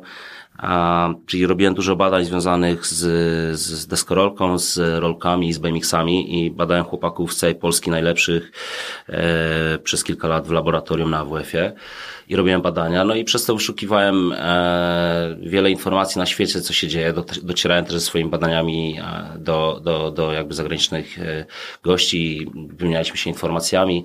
I tak jak mówię, już jakieś 7 lat temu, zanim jeszcze ktokolwiek pomyślał w Polsce, że w ogóle deskorolka będzie na igrzyskach, ja już mniej więcej dostawałem takie sygnały, że idzie to w tym kierunku. E, Więc e, ze środowiskiem, że mm, y, y, pomyśleć o tym, co można zrobić z deskorolką w Polsce, zaczęliśmy rozmawiać o tym, żeby było dobrze stworzyć jakiś twór, czyli tak naprawdę Polski Związek Deskorolkowy. Przez to, że tworzyliśmy wiele eventów, wiele zawodów, e, tu na Zagłębiu robiłem ekstremalną ligę Zagłębia też, czyli rywalizację pomiędzy wszystkimi miastami a na skateparkach w deskorolce, też w BMX-ach, w rolkach. E, zaczęliśmy rozmawiać, jak, jak, jak można to sformalizować. No i e, zaczęliśmy szukać opcji w Warszawie, no bo tam jest podstawa, więc zaczęliśmy rozglądać się w ministerstwie, zaczęliśmy zadawać pytania, ja często tam dzwonię też do prawników, e, zapytałem jakby to wyglądało, żeby stworzyć właśnie twór, jakim jest związek sportowy. Wiele lat w Polsce nie było praktycznie w ogóle klubów sportowych, a podstawowym wytycznym, żeby zbudować związek sportowy, to jest minimum trzy kluby sportowe. A, okej, E, czyli a, a, łatwiej podpiąć się gdzieś do czegoś, co istnieje, niż stworzyć kluby sportowe, tak? Myślę, że nawet nie, bo to nie był problem, tylko to była fajna informacja, czyli wiedzieliśmy, że musimy zbudować kluby sportowe. Mhm. Czyli ja byłem pewny, że w Dąbrowie budujemy skate room, tak? E, W Krakowie już e, Team, jakiś klub, który gdzieś tam już działa sobie delikatnie i jeszcze kolejne kluby, które już zaczęliśmy rozmawiać, czyli ja zacząłem spotykać się z ludźmi, że fajnie będzie stworzyć kluby, żeby stworzyć właśnie ten, to, to ciało, jakim jest związek sportowy. No ale oprócz tego pierwszego podstawowego wymogu jest drugi wymóg, czyli drugi wymóg to jest, e, żeby założyć związek sportowy, polski związek sportowy, trzeba mieć jakby zapewnienie współpracy minimum Europejskiej Federacji, jak nie światowej. W deskorolce jeszcze wtedy Europejskiej Federacji nie było, a światowe były trzy, można tak powiedzieć. E, więc To w którym teraz jesteśmy roku? Y, to było w roku, żeby tak powiedzieć, 2014. Zobaczcie, jest 2019, czy to niebawem. To naprawdę się Czyli działo szybko. Sześć lat wcześniej przed Tak, Olimpiadą, przed dyscypliną olimpijską Tak, były trzy, jeszcze- o, gdzie, tak, były organizacje- trzy federacje, federacje które robiły swoje po prostu eventy, swoje e, championship, jakby to nazwać, czy jakieś tam mistrzostwa świata, nieoficjalne mistrzostwa e, różnych krajów. Były trzy wiodące federacje federacje, nie chcę już wymieniać, bo to znowu musiałem dużo opisywać, ale trzy federacje zarządzające deskorolką na świecie. W tym jedna e, zarządzająca FIRS, e, bo to już powiem, no, czyli Federation International, e, Fed- Federation International Roller of Skate, czyli FIRS zarządzał rolkami i deskorolką i miał już pod sobą zrzeszonych ponad, chyba z tego co pamiętam, 100 krajów, e, w tym Polskę. No i okazało się, że w Polsce właśnie ta federacja współpracuje z Polskim Związkiem Sportów Wrotkarskich, który już jest e, e, założony, został założony w 1992 roku i ten związek nie wiem, jak to się stało tym e, osobom zarządzającym. Ciekawie wpisali e, w statut swojego związku, że też są dyscypliny właśnie wrotki, rolki, bla, bla, bla i deskorolka. A, okej. Więc nikt o tym nawet w Polsce nie wiedział, nikt o tym nie myślał, bo scena deskorolki, jakbyście się wgłębili w historię w Polsce, naprawdę od lat 70. grubo działała. Lata 90. to w ogóle był rozkwit. E, Czyli to nie przez, nie przez przypadek to się znalazło nie, tam. Nie, nie Okej. przez przypadek się pewnie to znalazła, tylko nikt wtedy, jak to się mówi, nie myślał, bo raczej każdy korowo, undergroundowo jeździł i naprawdę robił dobre triki i, i w 90 latach bardzo mieliśmy mocną scenę deskorolkową. A, już nie mówiąc początki lat 2000, gdzie ludzie, Polacy naprawdę też e, byli w dobrych teamach europejskich i jeździli po świecie i też zdobywali jakieś tam ciekawe e, miejsca.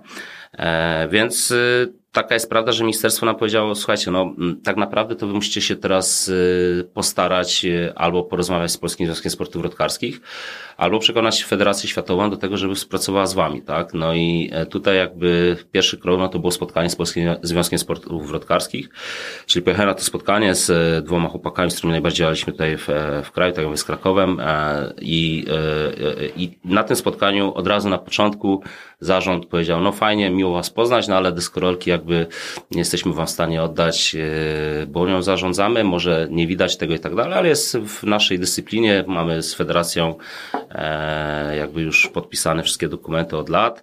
Dobrze nam się współpracuje z FIRS-em. FIRS jest to wiodąca federacja na świecie, no i generalnie możemy was zaprosić do tego, żebyście byli z nami. A przykład takiej współpracy no to jest choćby Polski Związek e, Narciarstwa i Snowboardowy. Polski Związek Snowboardowy w Polsce nie istnieje. Jest to komisja pod Polskim Związkiem e, Narciarskim. I tak samo nas zaprosili w ramach takiej komisji, że my będziemy decyzyjni, będziemy zarządzać deskorolką, będziemy organizować od Mistrzostw Polski, kursów instruktorskich, e, kadry narodowej.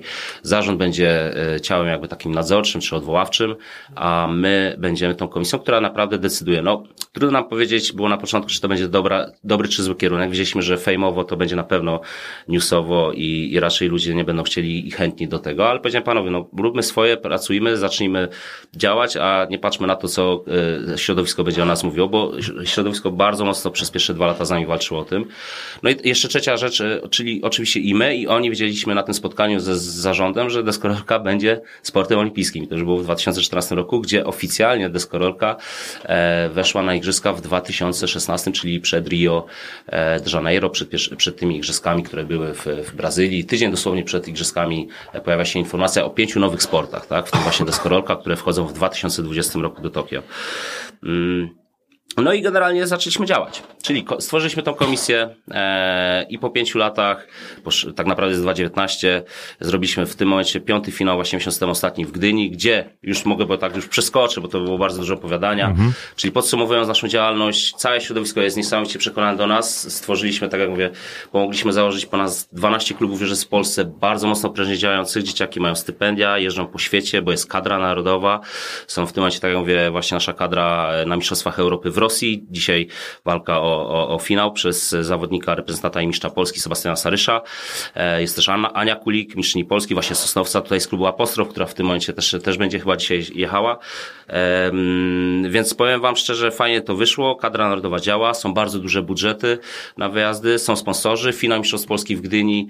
E, Jak zaczynaliśmy, pierwszy robiliśmy w Olkuszu, tu można powiedzieć na Zagłębiu jeszcze, e, Zagłębiu Dąbrowskim, to, to było w 2015 roku, mieliśmy totalnie budżet ledwo, żeby zrealizować przystanek e, z, z miasta Olkusz, który nas wsparł mocno i dał nam obiekt e, i, i powiedzmy, że wyszliśmy na lekkim minusie.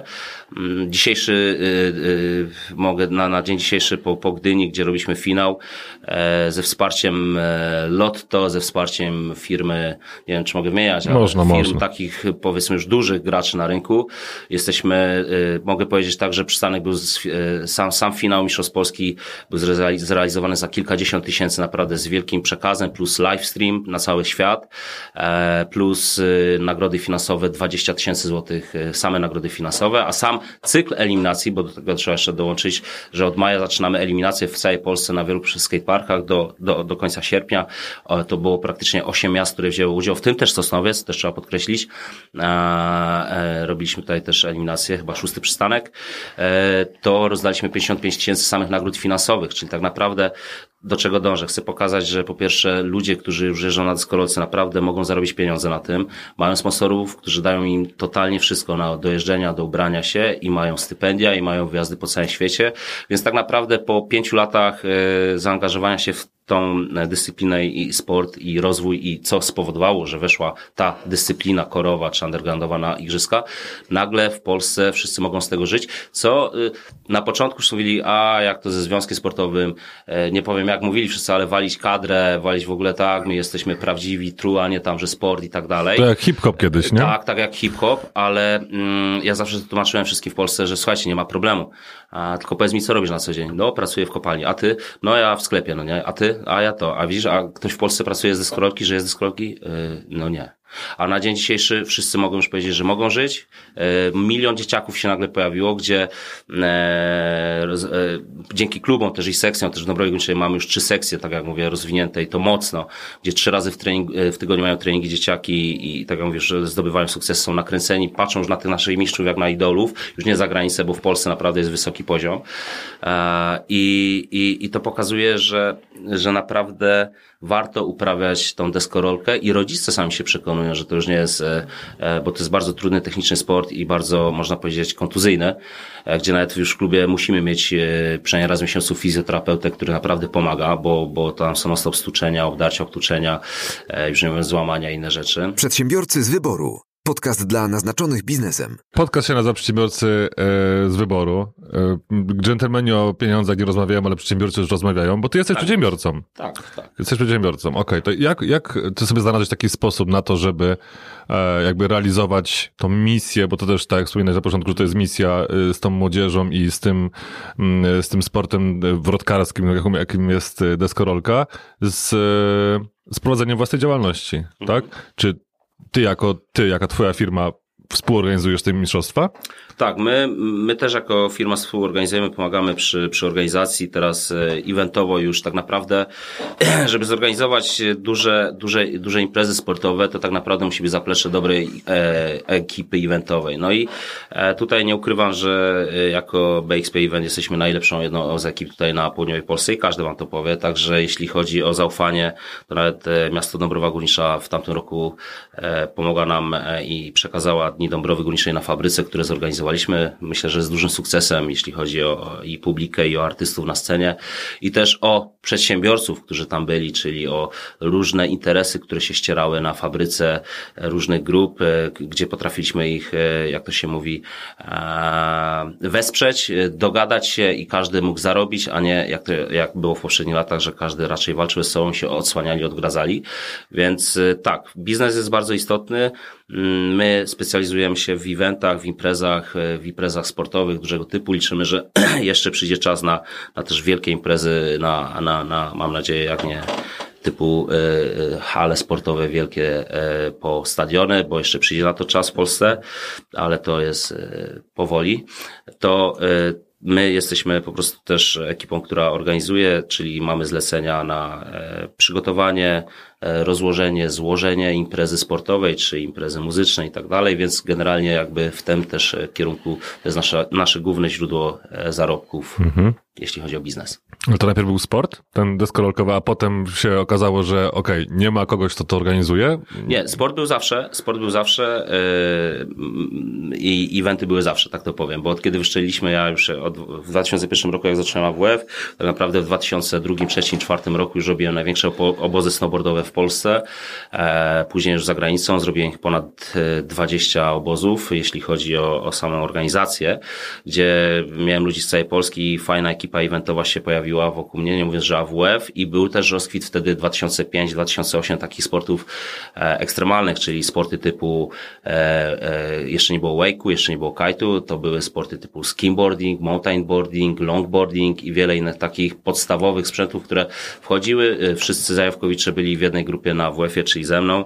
Razem e, widzieliśmy, że to jest mega, mega fan i zrobiliśmy, robiliśmy wiele małych eventów typu od AWF-ali, gdzie zaczynaliśmy, gdzie mocno jeszcze kiedyś budowaliśmy je po, e, po eventy typu przy Park Chorzowski, w jakichś parkach małych, mniejszych, budowaliśmy rampy, budowaliśmy skateparki mobilne i, i to było już od 2007-2008 roku, a w 2010 postanowiłem po raz pierwszy, w 2008 tak naprawdę otworzyłem pierwszą swoją firmę, właśnie BXP Event, I celem było zrealizowanie wielkiej misji, ponieważ mieliśmy e-sport i mieliśmy zaplecze finansowe od miast i mieliśmy zaplecze finansowe od sponsorów.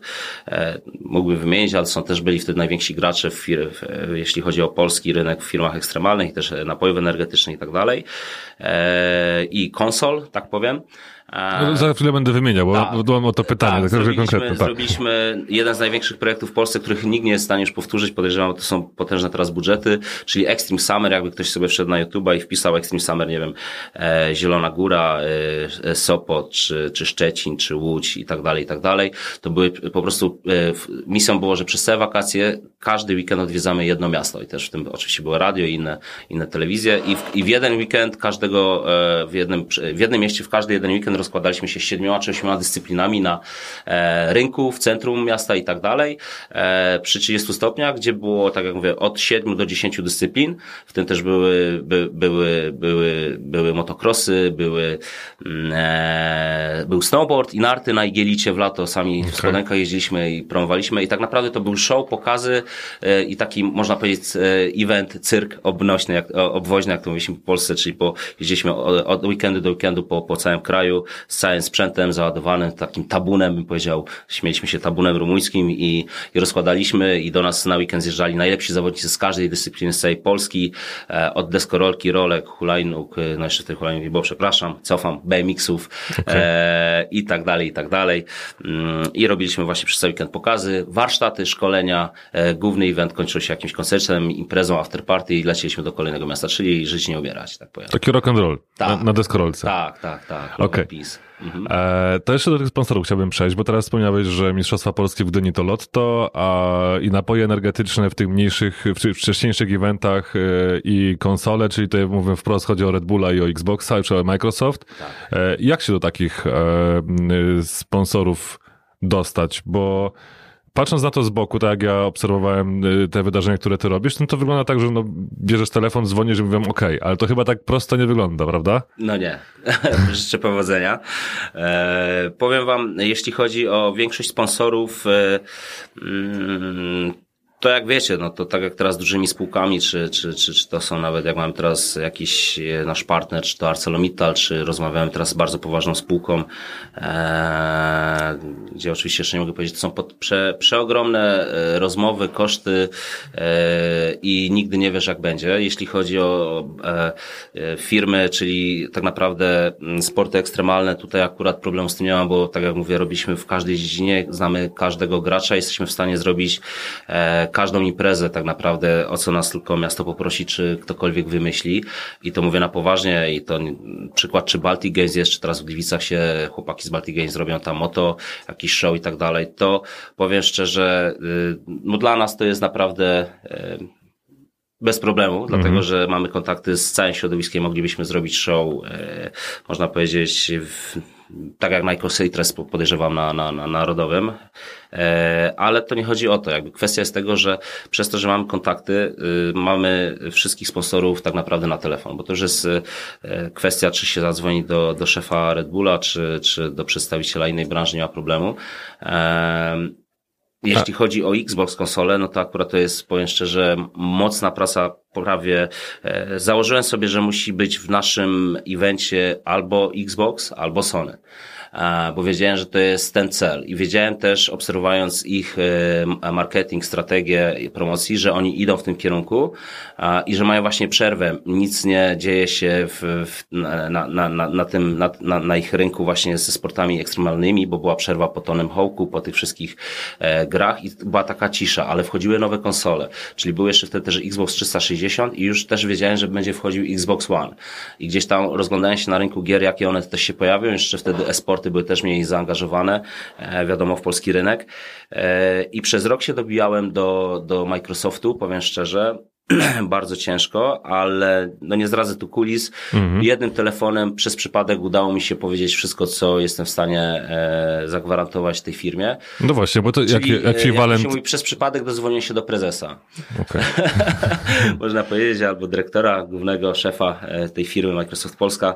Mm, I to było ok, no to działamy, no nie? No i tyle, ja akurat wtedy robiłem obóz we Włoszech i tak na szybko dzwoniłem, więc mówię, że też nie mam czasu, bo muszę wracać do grupy, akurat odzwonił. A nie wiedziałem, że to on, bo ktoś mi numer jednak przez kogoś przesłał i tak dalej, i tak dalej, i tak dalej. Obecnie z e, Microsoftem, że też była jasna sprawa, jest to e, jak każda wielka, duża, e, żeby każdy wiedział, kto by chciał spróbować współpracować z firmami.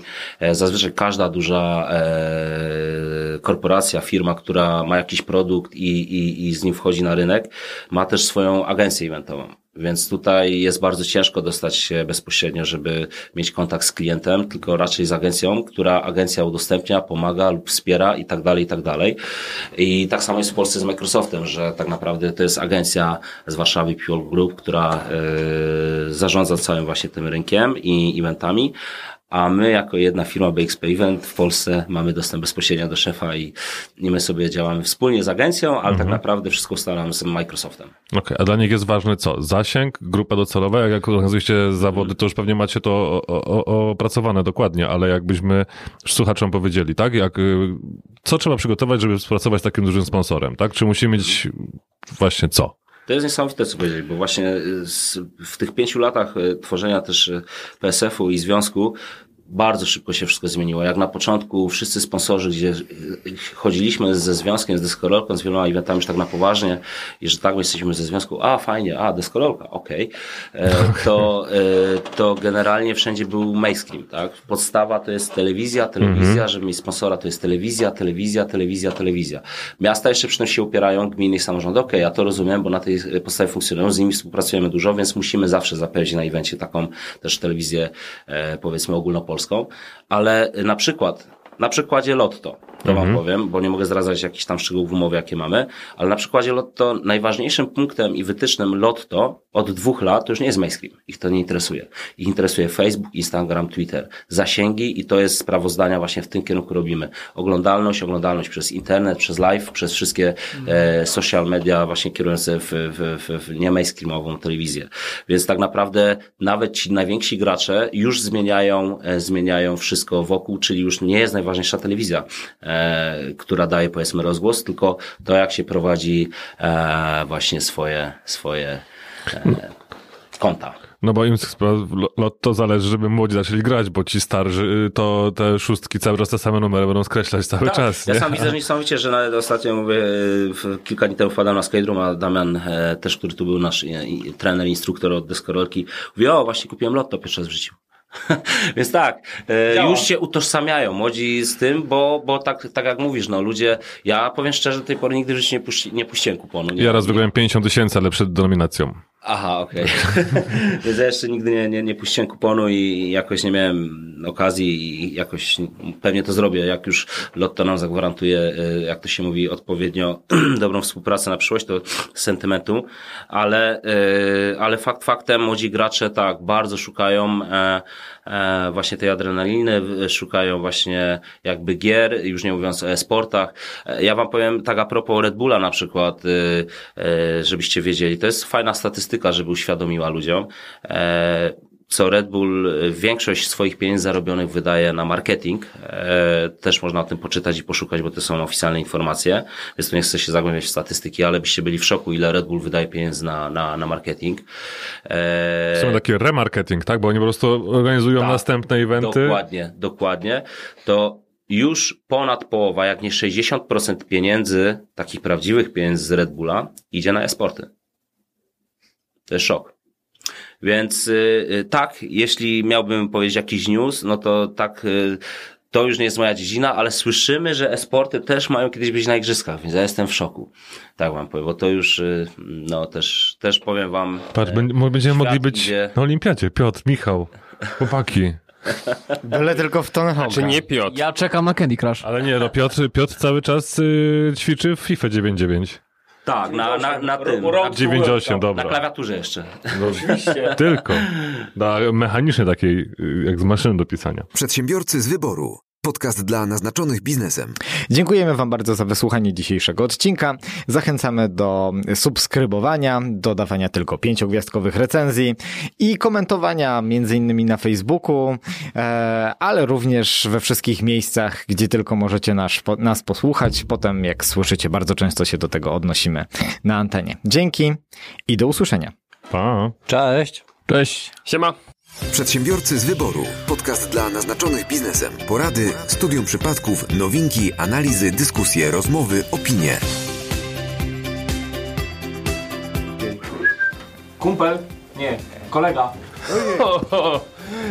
Jezus!